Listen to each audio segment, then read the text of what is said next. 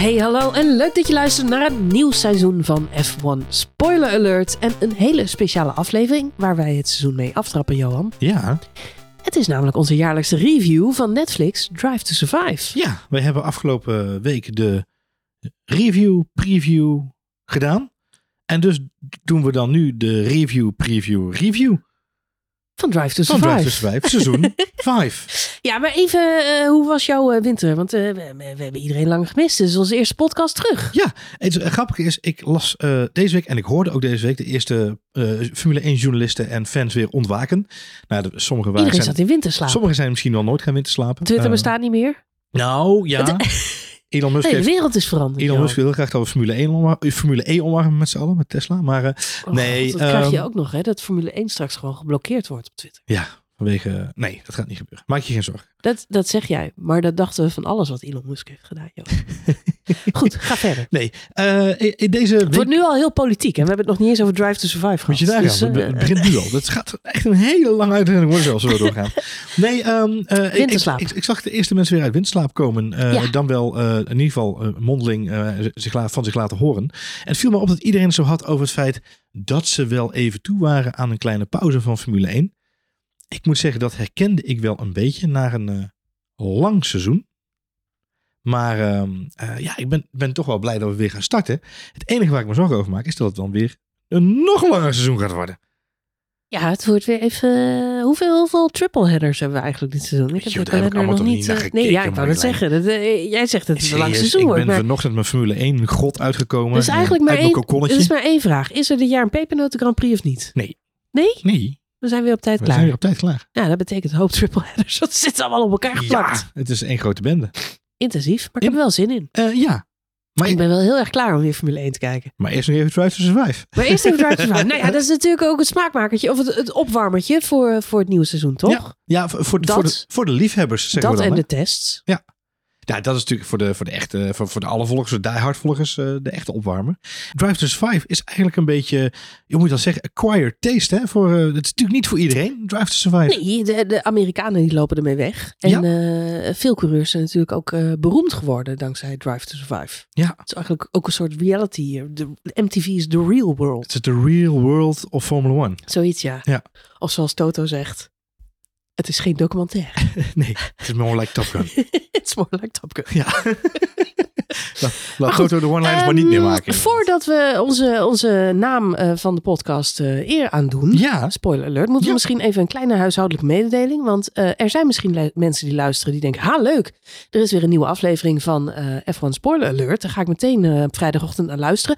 Maar die hebben Drive to Survive nog niet gekeken. En willen Nee. dat misschien ook nog gaan doen. gaan doen. Goed nieuws, want we beginnen deze podcast... met eh, zeg maar 5 tot 10 minuten spoilervrije zendtijd. Kijken of we dat voor elkaar Ja, kunnen krijgen. dus als jij op vrijdagochtend nu lekker op weg bent naar je werk of op zaterdag of zondag, maar eh, en, en denkt van oh lekker even weer een Formule 1 podcastje luisteren, maar ik wil nog wel ongespoild daarachter komen waar Ja. Drive to Survive dit seizoen over gaat.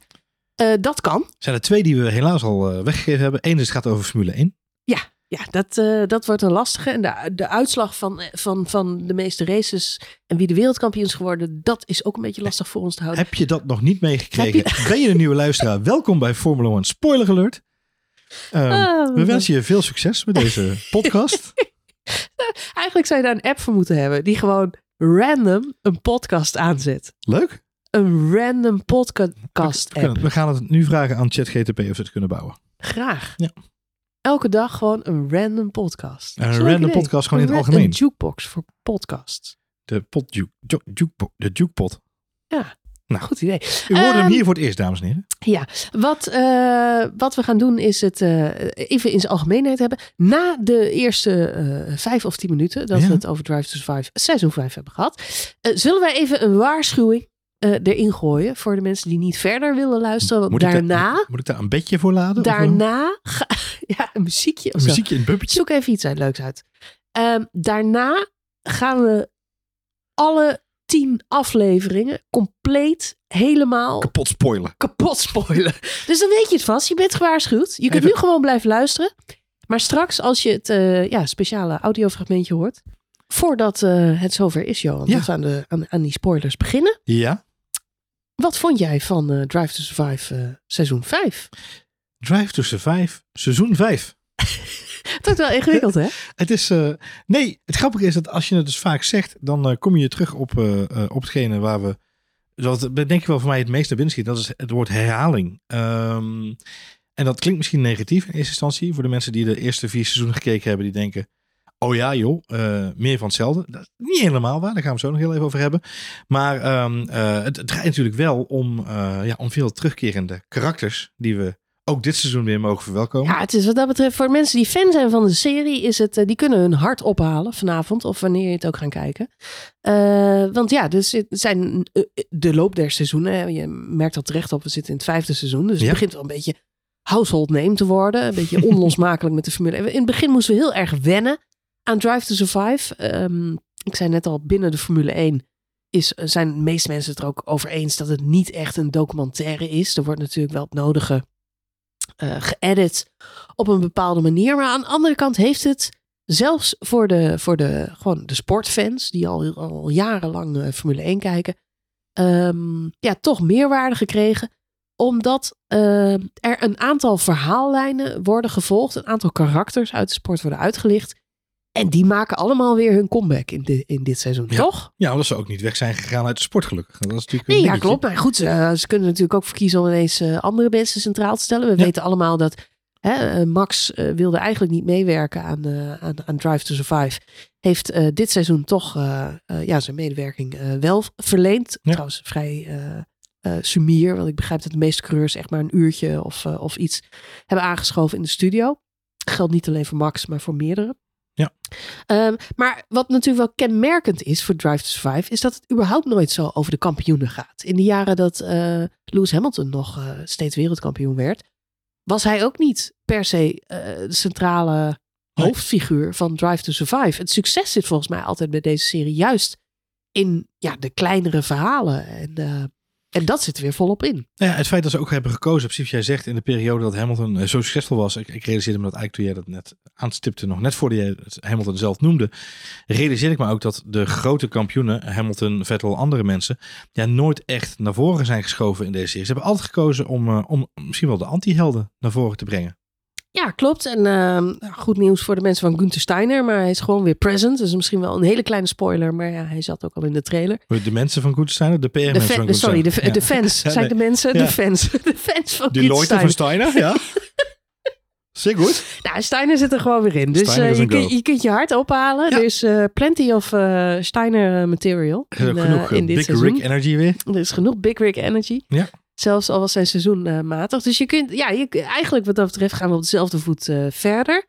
Ik vind wel dat de serie ten opzichte van de vorige seizoen op een aantal punten flink verbeterd is. Nou, wat, wat wel, eh, wat je terugziet, is dat de serie ehm, duidelijk wel heeft geluisterd naar de kritiek als het gaat over het in beeld brengen van de sport. Ik denk dat dat Ja. hè, sowieso een, een heel stuk beter is. We hadden het er vaak over in onze reviews. ehm, dat, dat races een beetje lastig te volgen waren. En dat we ja, niet echt de energie die je krijgt als je naar een echte Formule 1 race zit te kijken. Wisten ze op de een of andere manier niet hoe- echt goed te vertalen Nee. eh, naar de serie toe. Ik vind wel dat dat in dit seizoen veel beter is Alweer iets beter inderdaad. Ja. Wat, ze, wat ze ook minder hebben gedaan is eh, eh, de, toevoeging van Sky-commentaar. dus Crofty en, eh, en Brundle zorgt wat mij betreft in ieder geval weer voor een beetje de, eh, ja, het Ja, het wordt herkenningsgevoel. authentieker. Want eh, Ja. inderdaad, ja, echt Nou ja, commentaar. Dat je is natuurlijk veel ook de scènes beter. weer inderdaad. Dus dat is fijn. Je, je bent ook wel even terug naar het moment. Zeker voor de mensen die F1 TV kijken. Mi- minder nep. Het is minder nep. Ja. Echter, eh, en dat is, mag geen verrassing heten. Ze hebben er toch ook weer voor gekozen om extra commentaar in te spreken.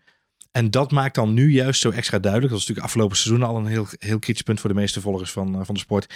En ja, doordat we nu Crofty hebben en Brundle, die natuurlijk de sport commentariëren. En daarna hoor je dan ja, een, een nep-commentator nog even een verhaaltje uitleggen waarvan je weet, van dat heeft hij op dat moment echt niet gezegd. Ja, Want dat doet er helemaal niet toe. nee. Maar vooruit. Eh, maar dat, daarin merk je dan dat hè, ze wil het verhaal sturen. Ze wil het verhaal duidelijk maken aan de, ja, de wat minder actieve kijkers van de sport, om het zo maar even te zeggen. Maar dat wordt dan wel zo uitvergroot, omdat ze er nu ook de Sky-commentatoren de commentatoren erbij hebben.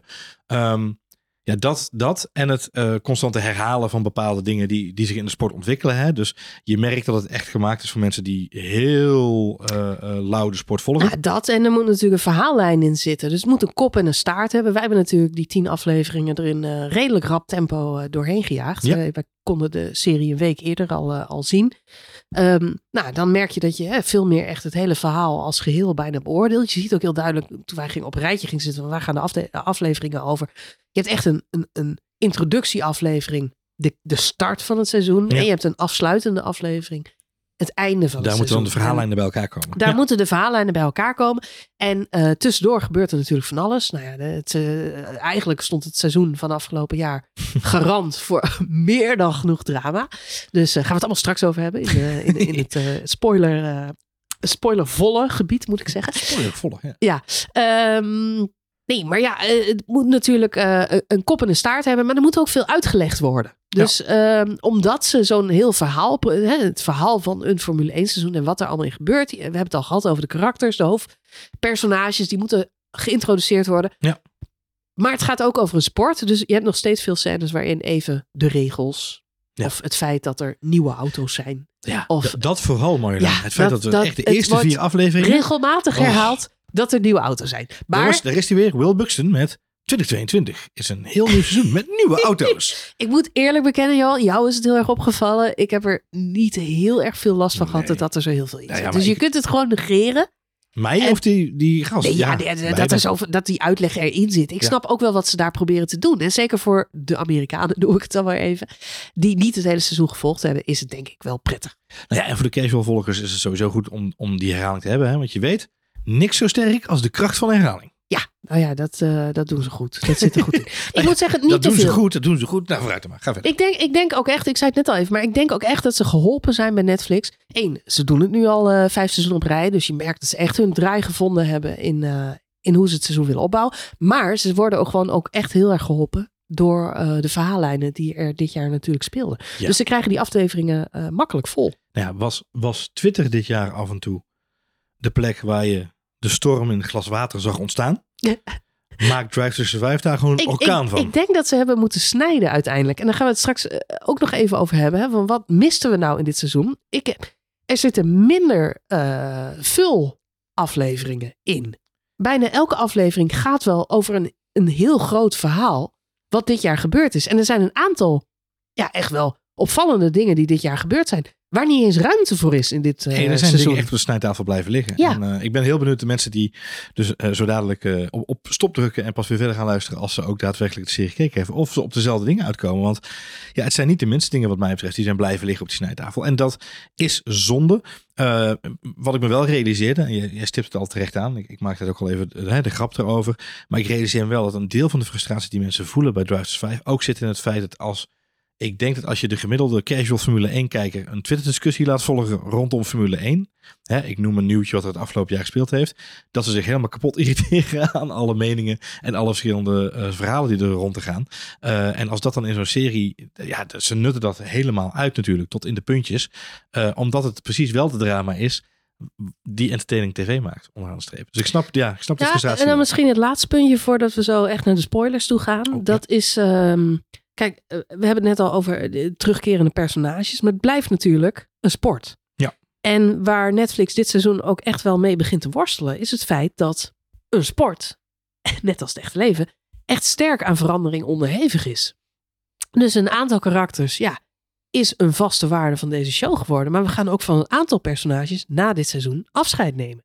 En Ja. ehm, dat maakt dus ook, dat, zie, je- dat viel mij ook op aan dit seizoen, dat ze nieuwe mensen gaan introduceren. Ook Ja. meer opvallend dan in vorige seizoenen. Ja. Eh, en dan met name eh, bijvoorbeeld de testcoureurs of de rookies die dit seizoen er nieuw bij gaan komen.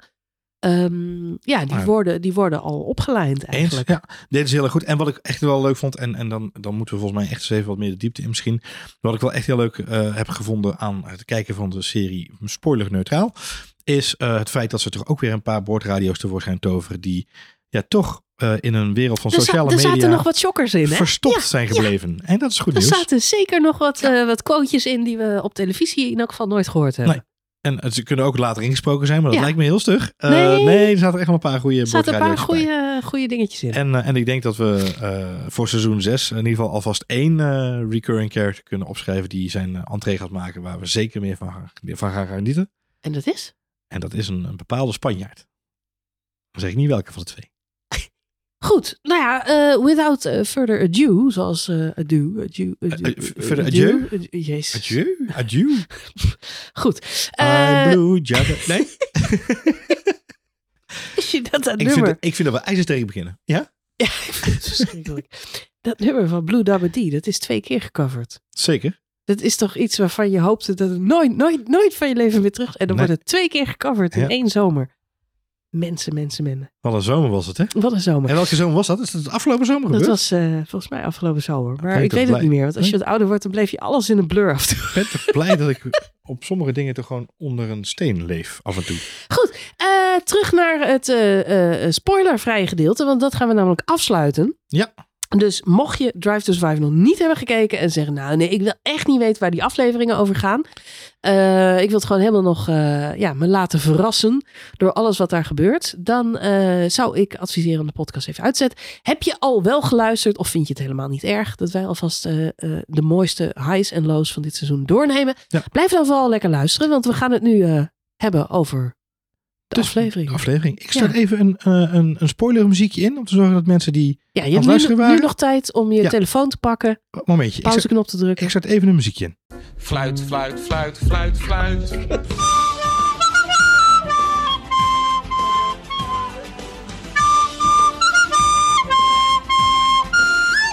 Yes, als je nu nog steeds eh, luistert, dan eh, ben je aanbeland in het eh spoiler gedeelte van deze podcast. Dan zijn we nergens meer voor verantwoordelijk. Dan zijn we nergens meer voor verantwoordelijk, inderdaad.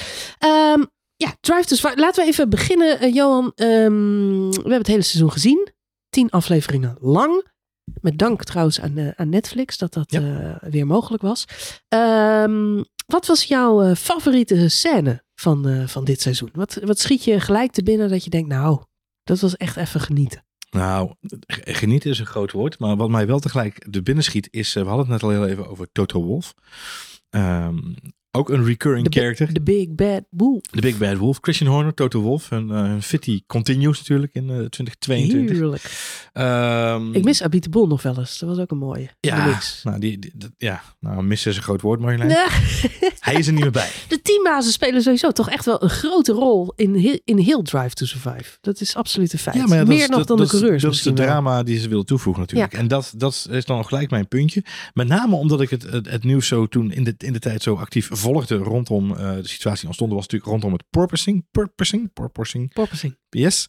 Oftewel stuiteren. Moet snel, uit, uit- snel uitspreken. Snel dan uitspreken, hoort niemand het. Ja, nee, precies. ik spreek alles snel uit Marjolein. Het grootste probleem is dat ik alles snel uitspreek. Sprak ik maar eens wat minder snel dingen uit.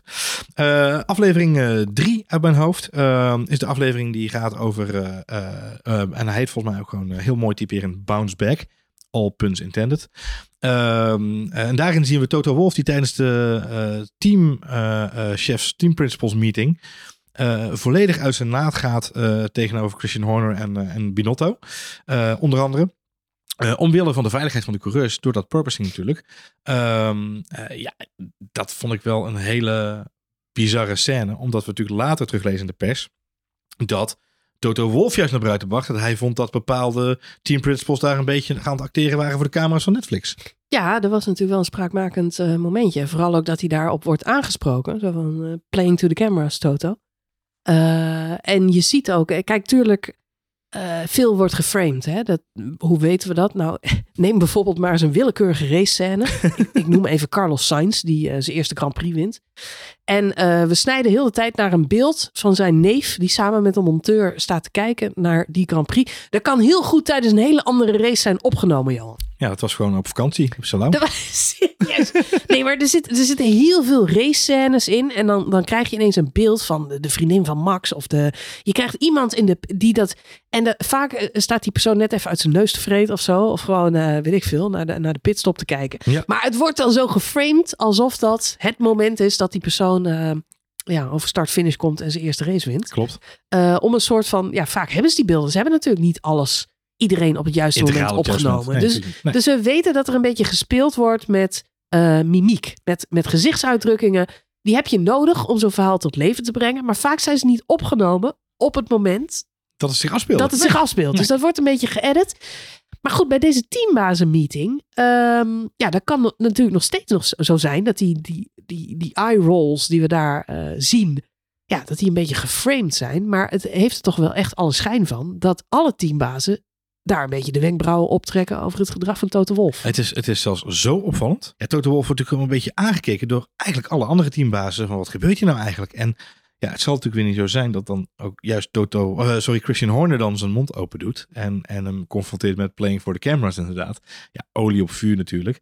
Uh, maar hier valt natuurlijk heel weinig aan te knippen aan deze beelden. Dit is daadwerkelijk wel zo gebeurd. Maar wat ik het meest frappant aan deze scène vond, is dat eigenlijk Toto Wolff in de pers het afgelopen jaar, vooral om, rondom deze situatie, naar buiten heeft willen laten komen. Dat andere teambazen daar voor de camera aan het acteren waren. En dat het een beetje een rare situatie was. Hij wilde eigenlijk zijn eigen uh, uh, foutje voor zijn, om zo maar te zeggen. Hij probeerde het te spinnen.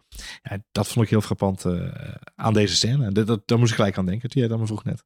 Ja, absoluut. Het was een opvallende scène. Ook, ik zat ook even te kijken. Het zal vast ongetwijfeld wel worden uitgemeten in, in de media. Ah, ik denk dat, dat Toto en Christian lekker nog een biertje overdrinken en dan is er niks meer aan had. Toch? Nee. Je weet het niet. Je weet het niet. hey, voor jou dan? Ja, nou ja, ik, ik, ik zat zelf, eigenlijk was het meteen goed toen ik de eerste aflevering opzette. Want voor mij was het wel Steiner, Steiner en Binotto. Voor jou was het gelijk kaasje? Kaasje, ja. ja. Gewoon lekker wijntje proeven. Die twee mannen, joh. En in dat autootje. Echt serieus, Johan. Ja. Tranen over mijn wangen. Ik vind echt... oh my god, wat mis ik Binotto nu al. Waarom is die man weg bij Ferrari? Dit wordt helemaal niks dit seizoen. Ook daar hebben ze een hele aflevering over ook gemaakt. daar hebben ze een hele aflevering over gemaakt. Dan nog had hij niet weggemogen bij Ferrari. Want als je iemand wegstuurt die net al deze lessen heeft geleerd... dan is dat ook niet handig, hè Johan? Ja, dat, dat zijn jouw woorden. Het is toch wel zo'n maar de vraag is, heeft, hij, heeft hij zijn lessen geleerd? Nee, en vooropgesteld, het is een hele vriendelijke man. En wat ik heel erg leuk vond, en dat is misschien wel het fijne aan dit seizoen, is dat we een andere kant van Ferrari, een andere kant van Binotto hebben gezien. Uh, ik denk dat dat heel, uh, heel mooi is. Uh, waar ik me wel zorgen over maak, is inderdaad dat het idee staat dat Binotto een beetje de, dat hij een slachtoffer is geworden van een situatie. Dat is natuurlijk ook niet helemaal waar. Dus, maar die, die, die eerste aflevering is in alle opzichten een frisse start. Een nieuw dan. Ja, dat was wel echt een van mijn hoogtepuntjes. Die twee mannen met elkaar. En ook dat ze zo goed bevriend zijn. Ja, ik hoop dat we dat uh, volgend jaar natuurlijk ook wel weer met Steiner en Van nou ja, En het komt oprechter over. Hè? Want we hadden het in de afgelopen jaren. En, en ook dus in onze podcast veel over de vriendschap tussen uh, Red Bull en Ferrari. En Horner en, en, Binotto. Die elkaar regelmatig even opzochten. En daar leek wel een soort van sportiviteit van aanwezig te zijn. We zien natuurlijk ook wel in deze aflevering van Drive to Survive. Dat dat ja, ook een gevoelig onderwerp is uh, op het moment dat de situatie op spanning komt staan, dat dan Horner ook niet bang is om Binotto gewoon uh, te confronteren met bepaalde zaken. Um, dat dan die vriendschap natuurlijk ook maar gewoon uh, zo lang is dat die breed is, zou ik maar willen zeggen. Ja, absoluut. Nou, misschien moeten we het even hebben over ja, spraakmakende dingen die we toch hebben opgepikt van, van dit seizoen. Um, op 24 februari zal de serie voor het eerst op Netflix te zien zijn ik verwacht dat er dan ook wel weer het nodige over geschreven gaat worden. Er zitten toch misschien wel wat openbaringen of kijkjes achter de schermen in die voor uh, nieuws uh, zullen zorgen. Ja. Uh, laten we even doorlopen wat wij zelf in elk geval opvallend vonden ja. dit seizoen. Ik heb opgeschreven twee geweldige afleveringen, mag ik toch wel zeggen, over het Alpine drama. Wie niet weg is, is Alpine. Ja. ja.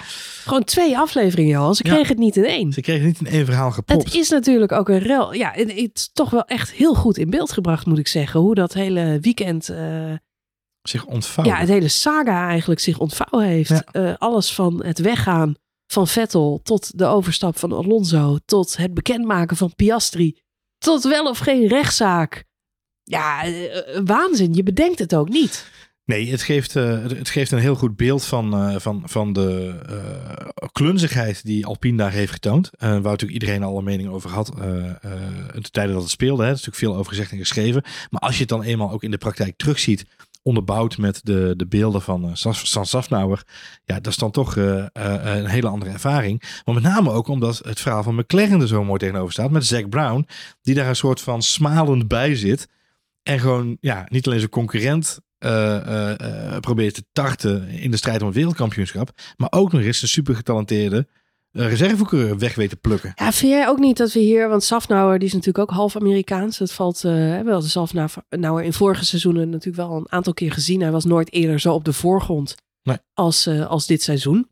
Dus we krijgen in de aflevering 5, is het even uit mijn hoofd, krijgen we best wel even een persoonlijke kennismaking. Eh, Hm, ja, ja. Met, met de man daarachter. Nou, hij is half Amerikaans. Aan de andere kant Zac Brown, die kennen we natuurlijk al. Ik vond het ook wel daardoor eh, ja, echt een, een machtsstrijd tussen twee Amerikanen. Zoals bijna alleen Amerikanen dat kunnen. Van Zafnauer wordt mij heel erg duidelijk ja, dat hij toch ook wel een beetje op de kleintjes wil letten. Eh, hij maakt op een gegeven moment zo'n opmerking dat hij eh, eigenlijk altijd... Nee, dat hij altijd ontevreden is. Want hij is ontevreden omdat hij eh, te veel geld Oh, eh, ja, ja, aan de coureur ja. betaalt. En de coureur is ontevreden omdat hij te weinig geld krijgt. Dus eigenlijk is het nooit een winnaar. Toen dacht ik, jezus man, als je zo in de wereld staat, dan dat is niet positief. En ik Zac Brown, Ja. dat vind ik eerder een opportunist. Dat is, meer, dat is echt een zakenman, het tegenovergestelde.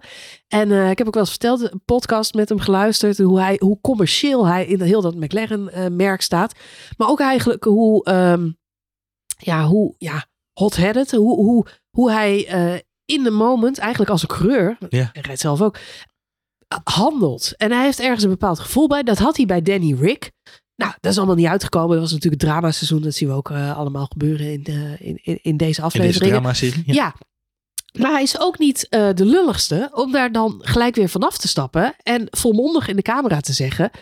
Oscar Piastri is op dit moment gewoon de hottest asset. En die moeten we hebben. Punt. Ja, wat het verschil natuurlijk heel groot is, is eh, eh, eh, op de kleintjes letten zeg je inderdaad heel goed. Eh Safnauer die, die inderdaad dan op, op het punt staat om een rechtszaak aan te spannen.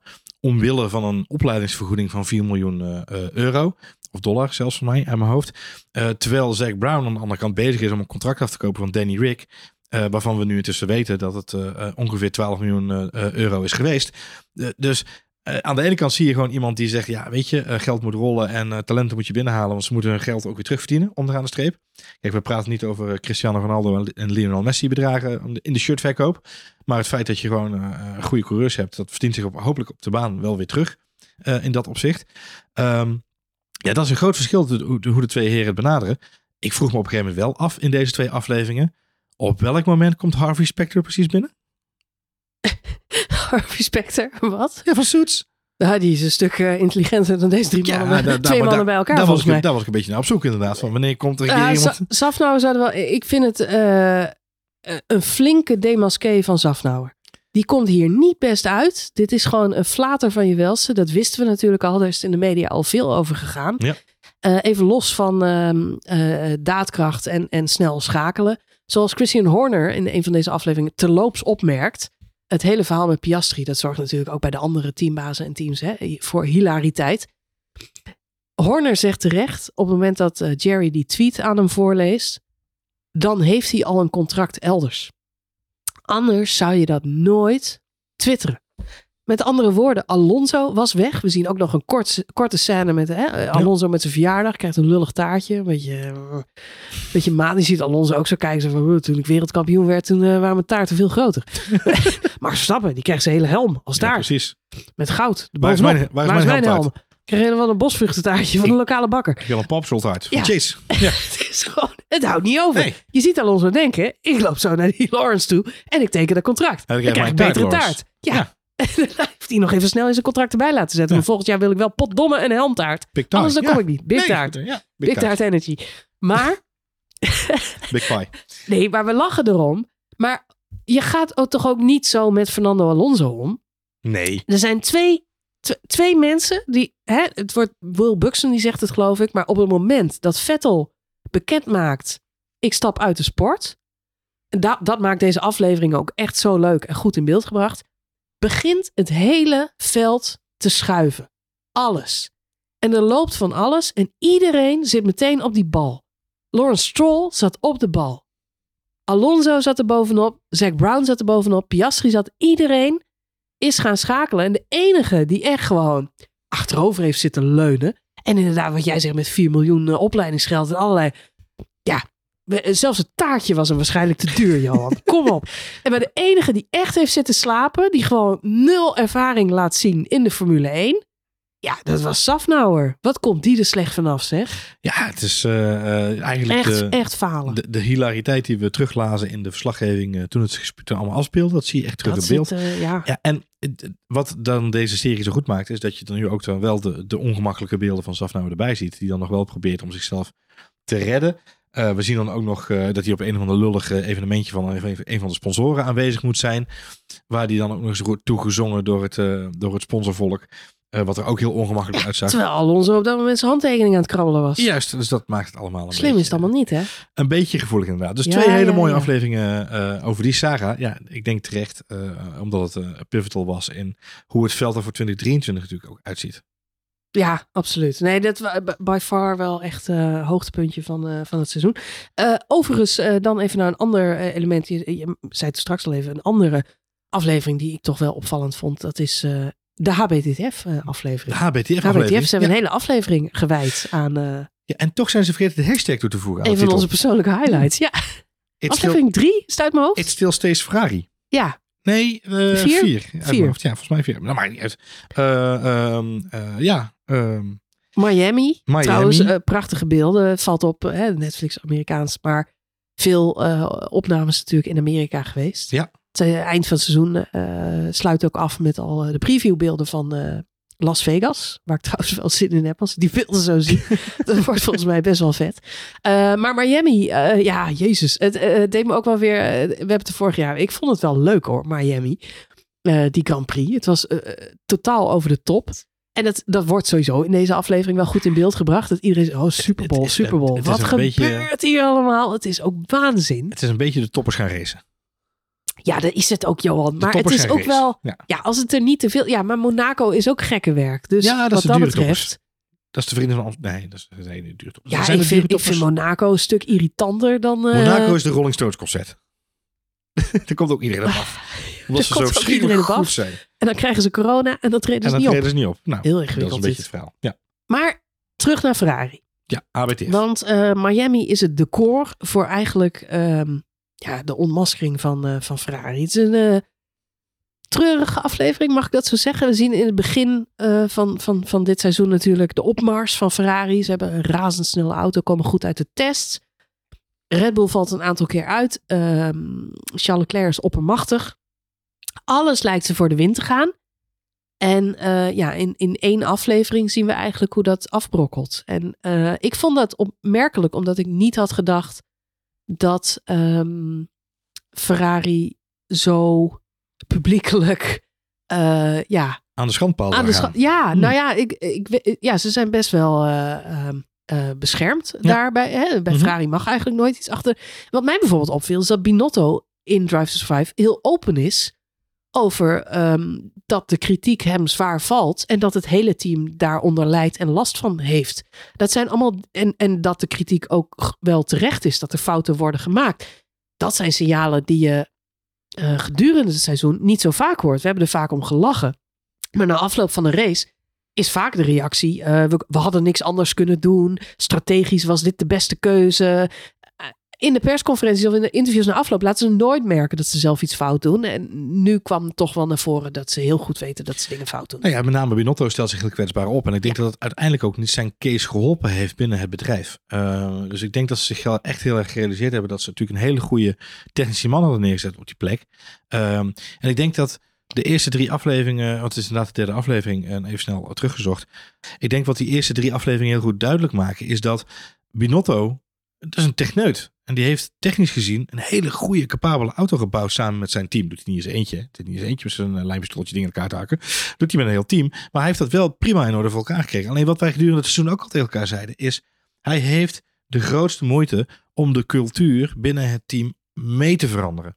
En dat zie je eigenlijk bij, uh, bij deze aflevering uh, ontstaan. Is dat als blijkt dat die auto nog steeds wel verbetering is ten opzichte van het seizoen ervoor... Maar op het moment dat de, de betrouwbaarheidsprobleem bij Red Bull zijn opgelost en Max Verstappen in zijn mojo komt, ja, dan, dan komt het op de finesse. En dat is ook wat, wat de andere teambaas dan ook zo mooi gescript uh, toevoegen aan het verhaal. Dan komt het aan op die andere stappen, namelijk de strategen en de pitstopcrew en al die andere mensen. Denk je dat er bij uh, Ferrari gewoon te veel overlegd wordt? All, alles lijkt een soort co-productie. Terwijl we natuurlijk, hè, wat maakt uiteindelijk uh, heel veel dingen in Formule 1 succesvol. Je opereert als team, maar iedereen heeft een individuele verantwoordelijkheid. En iedereen weet precies waarvoor die staat opgelijnd. Of dat nou die wielschroef losmaken, of dat bandje erop tillen, of in het geval van Red Bull vaak de, de, de uh, strategische beslissingen maken op het moment dat dat nodig is. Ik denk, ik denk dat we juist aan de conclusie waren gekomen dat er te weinig werd overlegd bij Ferrari. Uh, zeker het afgelopen seizoen, als het gaat om eh, bandenmanagement en pitstop calls, is er juist te weinig overleg. Uh, en, en zijn er hele verkeerde of ontbrekende lijnen. We zien het in deze aflevering ook de dubbelstop in Monaco, die natuurlijk ook breed wordt uitgemeten in deze aflevering, waarbij ze Sainz er binnen halen en Leclerc er achteraan naar binnen laten komen. Waanzin. Goed dat dat erin zit trouwens. Ja. maar je ziet, dat is een dat is, ik denk dat de timing iets is aangedikt. Want nu reed, Ferrari, nu reed uh, Leclerc al met zijn Ferrari de pitstraat in. En werd, hij, kreeg hij te horen, blijf buiten. Volgens mij was het in de werkelijkheid net iets genuanceerder dan dat. Had hij nog wel iets meer, waren ze nog wel iets eerder met die roep. Maar hij was niet al in de pitstraat toen ze zeiden blijf maar buiten. Want dat is wel heel erg aangedikt, denk ik. Maar hij had geen kans meer om die pitstraat uit te komen. Dat was duidelijk in ieder geval, of evident op dat moment. Het was echt zo erg hoor, Johan. Ja, dat zou kunnen inderdaad. Uh, maar wat dat moment duidelijk maakt, is dat er juist eigenlijk te weinig communicatie was. En te weinig overleg. Uh, en we hebben natuurlijk dit jaar ook de introductie gezien van... Uh, we are thinking about going plan A plus 23. What do you think question. Um, dat hebben we natuurlijk dit ook zien gebeuren. Met name na Silverstone. Wat natuurlijk ook een prachtige... Uh, de dualiteit is die ze in deze aflevering wilden neerzetten... is natuurlijk het falen van Ferrari uh, strategisch bezien. En uiteindelijk Silverstone, waarbij ze dan die overwinning pakken. Maar die pakken ze omdat Carlos Sainz zegt... No, stop inventing, inventing things. Ik ga niet wisselen van plek. Ik ga nu rijden voor de winst. Ik heb nieuwe banden. Ik ga niet 10 autolengtes voorsprong geven aan Charles Leclerc die op oude banden rijdt op kop. Ja, dat vond ik dan ook wel weer verpand. Dat ze in deze aflevering nog steeds beweren dat dat scenario realistisch was. Dat, uh, Charles, dat Carlos Sainz op drie seconden sneller gewoon achter Charles Leclerc zou blijven verdedigen. Vergeet niet, Charles Leclerc wordt uiteindelijk vijfde in die race. Hè? Die wordt nog vier keer ingehaald. Nou, ze hadden, de, de verdediging die ze voerden was inderdaad dat ze daadwerkelijk echt het idee hadden dat hij op die oude harde banden het nog had kunnen volhouden. Dat is, dat, is, is, dat is gewoon dom. Uh, als ze nou gewoon hadden gezegd, we zetten, uh, we zetten wel uh, één iemand van, van we zetten Leclerc wel gewoon als eerste naar binnen. Want dan weten we zeker dat hij zijn zijn, uh, zijn koppositie bouwt. Ja, prima. Weet je, dat had ik vind het nog steeds raar, Johan, dat Binotto eruit is en niet Laura Mackie. Niet, niet de strateeg die uiteindelijk verantwoordelijk is voor deze beslissingen. Ja, maar ik denk dat, kijk, wij zien deze beslissingen als, uit, als uh, eigenlijk als uitvloeisel van hetgene wat er gebeurd is. Daar gaat natuurlijk een heel proces, er zit ja, een hele procedure zeker, aan vast zeker, voordat die keuze, dus de, de hele machine die er staat. En dat is hetgene wat ik denk ook, wat, wat me nu wel weer duidelijk wordt als ik ook kijk nu hoe het uh, uh, bij Vrij gaat worden met, met Fred van Seurda natuurlijk. Um, dat is echt een ouderwetse teambaas het is geen supertechneut. Het is geen uh, super ervaren coureur. Uh, maar hij werkt al zo lang in de racerij dat hij weet hoe de paardjes lopen. Die maak je de, uh, de, de, de, de pis niet lauw, zou ik bijna willen zeggen. Ehm, hij is bekend met Claire. hij is bekend met jonge talenten. En met, met ego's kan hij goed werken. Ehm, dus dat is gewoon... En hij, wat ik al zeg, hij is gewoon heel stug en, en doortastend. Ik denk dat dat hetgeen is wat ze nu zoeken, omdat er iemand moet komen om die processen goed neer te zetten. Ik denk dat die strategen uiteindelijk wel de juiste call kunnen maken, als ze de juiste informatie hebben, als ze de juiste snelheid hebben van handelen en als de juiste mensen met elkaar verbonden zijn. En dat stuk, ik denk dat Dabi not overal de bal laat vallen. En vandaar ook zijn emotie in het feit dat het hem zoveel doet. Want ik denk dat hij zichzelf ook realiseerde op dat moment. Eens. Laatste uh, nieuwsitem, tenminste waarvan ik denk dat het toch nog wel even in de media aandacht zal krijgen. Dat is natuurlijk Coscapgate. Een uh, emotionele aflevering, denk ik, die daarover gaat. Want en passant wordt Max ook wereldkampioen. Ja. Net als in het echt eigenlijk op een hele vreemde wijze. uh, waarschijnlijk hadden ze die beelden ook niet helemaal compleet. Um, we zien ook hoe Red Bull Racing zijn eerste constructeurstitel pakt in acht jaar tijd. Wat ja. natuurlijk ook een uh, emo-momentje is in dat weekend gaat uh, Dieter Mateschitz uh, helaas uh, dood. Dus, en tegelijkertijd speelt uh, Cosgap Gate. Ja. Dus we zien eigenlijk de opmaat daarvan in Japan. Waar we Horner al horen zeggen, die, die jongen die wordt vandaag kampioen. En morgen speelt Cosgap Gate. En een week later is de, is de race in, in Amerika. En ja, hebben we eigenlijk ja, de, de, de na-weeën daarvan. Ja. ja. Uh, zo is het echt natuurlijk ook allemaal gebeurd. Wat ik interessant vind aan deze aflevering is dat kijkje achter de schermen. En met name het beleven door de bril van Horner. Ja. Dat, ja. dat maakt, eh, vind ik, dit verhaal wel goed. Nou, wat het heel goed duidelijk maakt, is uh, wat mij betreft de emotionele lading die er aan dat hele uh, stuk zit. Hè? Dus je hebt aan de ene kant wat je zegt, het, de prestaties van je coureur, die dit zo'n buitenaards waren. Eh, een nieuw record met de meest gewonnen wedstrijden in het seizoen. Eh, wordt, eh, ik weet niet hoeveel races voor het einde van het kampioenschap al, al wereldkampioen. Rijdt echt als een dijk. Nou, daar hoef ik niet, niet, niet heel lang meer over te hebben, denk ik, hoe goed dat seizoen van Max Verstappen was. Wordt ook wel goed geëdit. Een paar, paar korte beelden. Ja, maar het blijft wel, en dat is, nou, nogmaals, dat is eh, eh, er was zoveel te doen buiten het asfalt, hè, zou ik bijna willen zeggen, dat er heel weinig aandacht is voor wat er op asfalt gebeurde. En daardoor is de prestatie van Max eigenlijk ondergesneeuwd in het hele seizoen. We zien niet, en dat was, nu jij net in de intro zei Dat van Hamilton, vaak ook wel een beetje. realiseer Ja. ik me dat het eigenlijk altijd al zo is geweest. Dus mag dat geen verrassing heten. Maar wat je wel ziet in dat weekend is, nou is Japan wereldkampioen. Er is natuurlijk een, een, een dramatische start daar. Het is een, een weekend met heel veel eh, stops en pauzes. En die, die race begint natuurlijk pas vier, vijf uur later uiteindelijk vanwege alle Ja. die er vallen.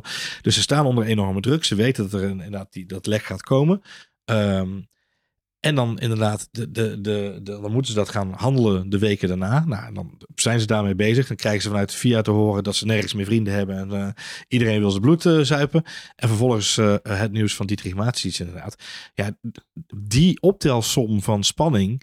ehm, ja, dat doet toch iets bij een team. En als je dan daarna de prestaties op een rijtje nog een keer zet voor jezelf, denk je, ja, ze hebben het wel goed voor elkaar. Ehm, wat ik eigenlijk het meest bijzondere vond daaraan was het, het kijkje met Horner. En volgens mij is, is dat Jos die we half in beeld zien. Dat ze ook daadwerkelijk gewoon de beelden op social media staan te bekijken. Van, hey, heb je dit gezien? Dit slaat toch nergens op? Dit is een openbare eh, Schandpaal. een schandpaal. Inderdaad, we worden er gewoon openbaar aan schandpaal genageld. En dit is niet oké, want niemand heeft alle feiten een rijtje. Wat we eigenlijk goed zien in deze aflevering, eh, en dat vond ik er wel goed aan, is dat ehm, Christian Horner erg boos is, het meest boos is, over het feit dat eh, de andere teams politiek bedrijven eh, via iets wat zij nooit zeker kunnen weten. Er wordt een druk uitgeoefend die niet eh, sportief is. En jij zei terecht, ja, maar Christian Horner is zelf de eerste om daar gebruik van te maken als het hem een keertje uitkomt. En dat is misschien ook wel zo. Ehm, maar ik ben wel met hem eens dat het eigenlijk geen plek heeft in de sport. Kijk, regels zijn regels. Je mag niet over die kostcap heen. Ook 400.000 euro voor de catering is eh, te veel. Dus daar moet een straf voor komen. Wat ik wel echt irritant vind, dat is dat eh, andere teambazen inderdaad de media op gaan zoeken met berichten als het zijn valspelers en het zijn cheaters. En eh, daarmee ondermijn je ehm, eh, ja, de, de, de prestaties van andere sporters. Max heeft daar natuurlijk geen fluit mee te maken. Ehm, maar ook van je, van je collega's, van je, van, je, van je andere teams. Ja, eh, eh, Het we, is- ja, we hebben het bij Ferrari gehad, maar eh, eh, bij Ferrari, ik weet nog dat, eh, dat Max eh, voor de camera zei dat, eh, dat. Ferrari Ja, eh, vals speelde. Ja, en daar waren ze bij Ferrari ook pislinken ja maar over. het is ook een hellend vlak. Ik bedoel, Ja, je het zegt, geen plaats vlak. in de sport, maar het is zo'n significant onderdeel van de sport dat Ja, we het niet eens. kunnen veranderen. Het is alleen een hele lelijke eh, onderdeel van de sport. Het meest lelijke onderdeel van de sport misschien me- wel. een van de maar- meest treffende dingen is dat Horner op een gegeven moment zei... heeft iemand van de andere teams ons al gefeliciteerd? Nee, Ja, nee, maar ja, goed. figured. Ja. Ja, maar het is ook de plek die ze verworven hebben. Hè? Dus het en wat Zack Brown ook terecht zegt, is eh, als je constant uitdeelt, moet je ook een keer kunnen ontvangen. En hij heeft acht jaar lang uitlopen delen, want het was Mercedes voor, Mercedes na. En laten we niet vergeten dat Christian Horner en, en Max Verstappen en, en alle andere mensen bij Red Bull daar als de kippen bij waren om het te hebben over ehm, De eh, spoiler. de spoiler, de DRS-opening van de, de Mercedes. Of eh, eh, ik ben even de naam kwijt van de, de banden, die, dat had zo'n mooie naam. De, de DAS. oh, het DAS-systeem. het DAS-systeem Ja. van, van Mercedes om daar een werk van te maken dat het voor het volgende seizoen verboden zou worden. De sensor. De brake ducts de, hebben we nog gehad. de brake ducts hebben we nog gehad. Maar je hebt ook de sensor eh, situatie, hè? de sensor flow van, eh, van Ferrari eh, 2020 of 2018, wanneer was het? Eh, stond hij ook vooraan om te zeggen er wordt vals gespeeld. En daarvan had hij ook niet alle feiten op rij. En dat is ook nog naar buiten gekomen, want de VIA heeft daar een gesloten dossier van gemaakt. Hmm. Dus nogmaals, ja, ik snap het. En eh, ik snap dat de emoties hoog oplopen bij, eh, in die paddock op dat moment. Maar tegelijkertijd, eh, je oogst wat je zaait. En ehm, eh, dat is onderaan de streep wat natuurlijk gebeurt. Als je eenmaal aan de top komt, gaan ze eens. aan je Maar dan even niet voor Horner spreken, maar wel in zijn algemeenheid. Heeft het eigenlijk geen plek in deze sport? Ook al, het- heeft wel een plek in deze sport, dat is altijd al zo. Ja. Het is al zo oud als, eh, als Schumacher, Alonso en eh, wat er allemaal al gebeurd is. Echter, in deze tijd van social media en toch wel heftige reacties. We zien daar heel kort iets van. Van, eh, van mensen die daar zelf dus ook ja, op, op acteren, fans. Ja. En het feit dat coureurs worden uitgejouwd en zo. Ja, ik vind wel dat dat allemaal een tandje minder mag. Ik vind dat niet een van de, de highlights van Formule 1 op dit moment. Nou, ik vind het heel belangrijk dat de teams beter leren. eh, kijk, ik- denk dat de teams zich moeten realiseren dat het lobbyen en dat spel, dat steekspel achter de schermen, dat zal blijven doorgaan. Ja. Dat kun je niet uit de sport halen, want dat, hoe lelijk je het ook vindt, is het een onderdeel van de sport. Het is namelijk een prestatiegedreven sport. En prestaties, elk moment, elke prestatie die een klein voordeeltje oplevert, daar wordt op gehamerd. Zo simpel is het. Maar de vraag is wel, moeten we de teams niet allemaal op een mediatrainingje sturen en ze leren omgaan met een nieuwe realiteit waarbij bepaalde dingen zo verschrikkelijk onder hun vergrootglas komen te liggen en sommige mensen daar zulke lelijke conclusies aan kunnen verbinden dat het mensen voor de rest van hun leven kan tekenen. En dat is wel een dingetje waar nou, niet alleen de Formule 1, maar de hele wereld beter over moet nadenken. Goed, nou ja, dat qua eh, ja, toch wel de meest opvallende momenten, denk ik, eh, van dit seizoen. Er eh, waren ook een paar dingen die wij compleet gemist hebben. Hè? We hadden het net al even over eh, ja, Max Verstappen eh, seizoen. Zandvoort zit er gelukkig wel in, mooie plaatjes. Ja, Maar- heel kort. Ja. Heel kort, weet je, ja, eh, uiteindelijk... ja. Ik denk goed, hè? Laat vooropstellen, dus ze hebben Max erbij. Hij Ja. voegt wat toe aan het verhaal. Ik was van tevoren misschien toch wel heel erg bang dat ze dan toch zouden kiezen om de wereldkampioen groots in beeld te brengen.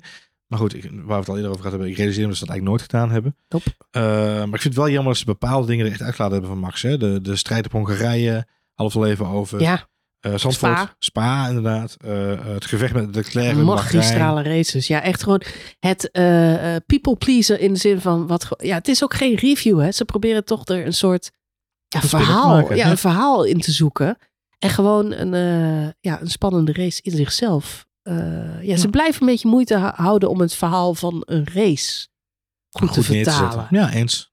Het gaat meer om het verhaal daaromheen. Bijvoorbeeld de aflevering van, hè, waarin Carlos Sainz uiteindelijk wint op Silverstone. Carlos Sainz wordt ook al meerdere seizoenen gevolgd. We weten dat hij er een paar keer heel dichtbij is geweest. En om dan nu zijn eerste overwinning te zien maken, dat, dat is het verhaal.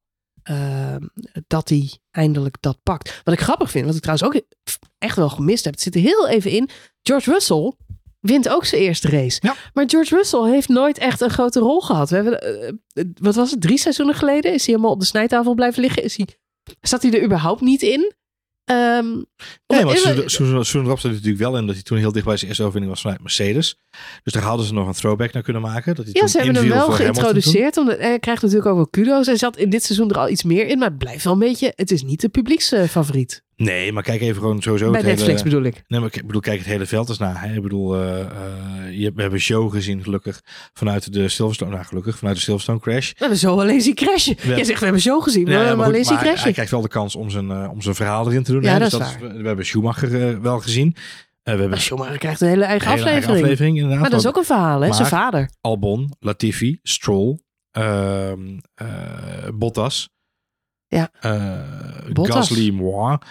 Eh, Gasly zit er wel vrij Norris, uitgebreid in, hoor. eh, moi. Ja, Gasly, moi. Norris, moi. Norris had weinig verhalen. Eh, ja, je had ik heel weinig gehaald. Maar dat zijn, weet je, van de, van de, van de 20 coureurs zijn er echt wel een, een stuk of, eh, of, of 13 die we kunnen noemen die misschien een minder grote rol hebben dan ze. Ja, een scriptwriter zou zeggen, er zijn te veel karakters. Eens. Er moeten gewoon mensen weg. En eens. verhaal, En, en voor het verhaal is dat begrijpelijk.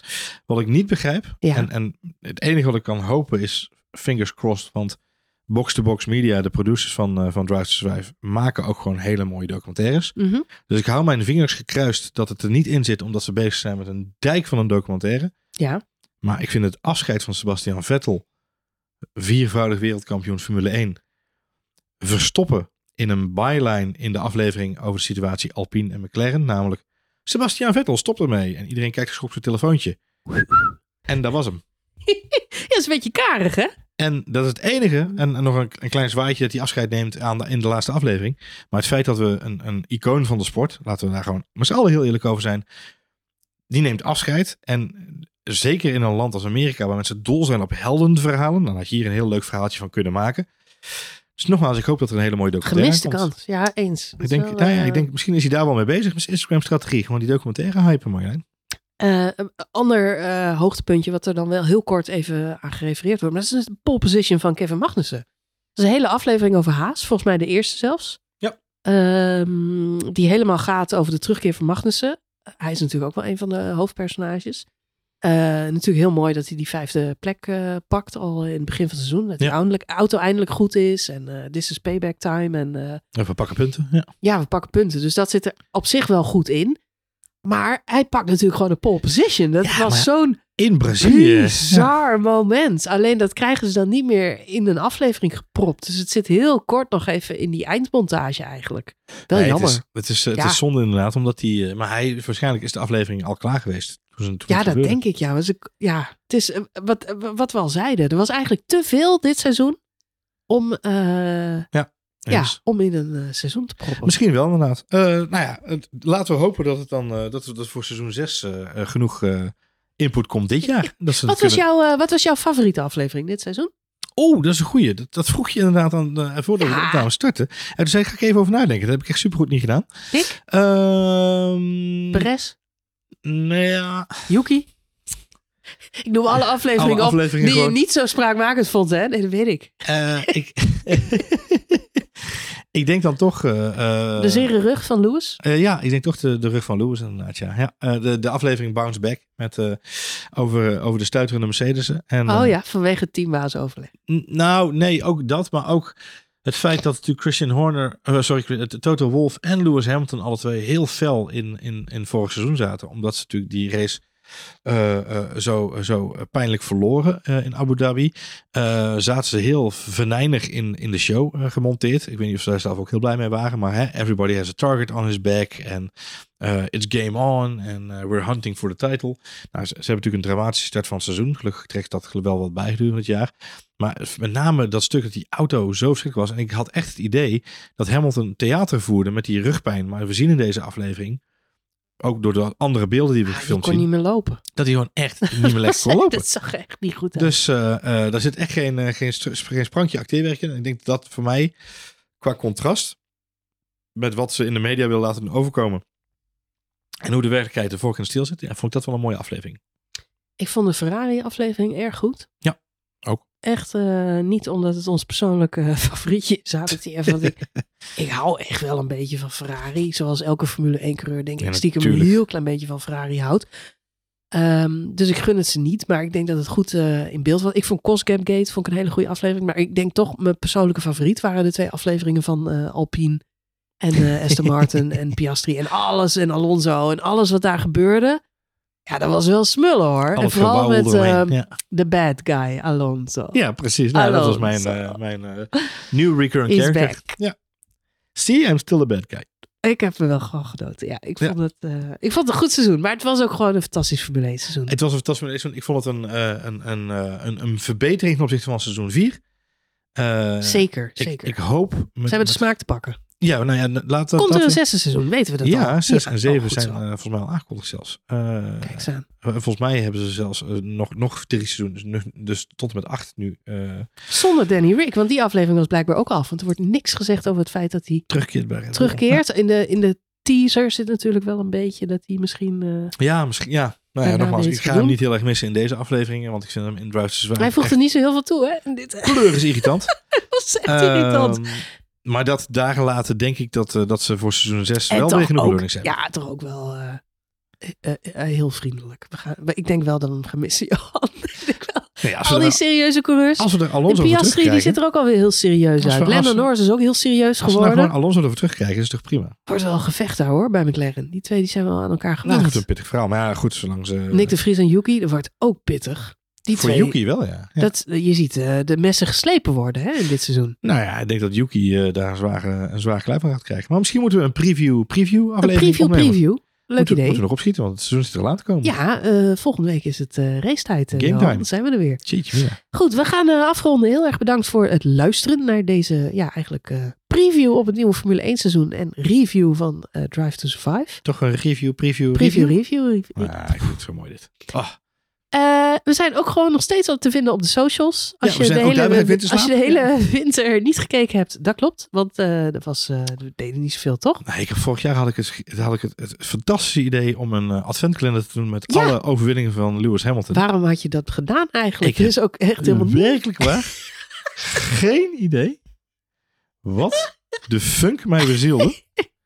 Om te denken dat ik het Ah. leuk zou vinden. Nee, dat vond ik wel leuk. Het was, het was serieus leuk. Wist jij om, dat eh, eh, Lewis. Hamilton in zijn eentje meer overwinningen heeft in de Formule 1 dan de rest van de huidige grid bij elkaar bij elkaar? opgeteld? Ja, klopt. Ja.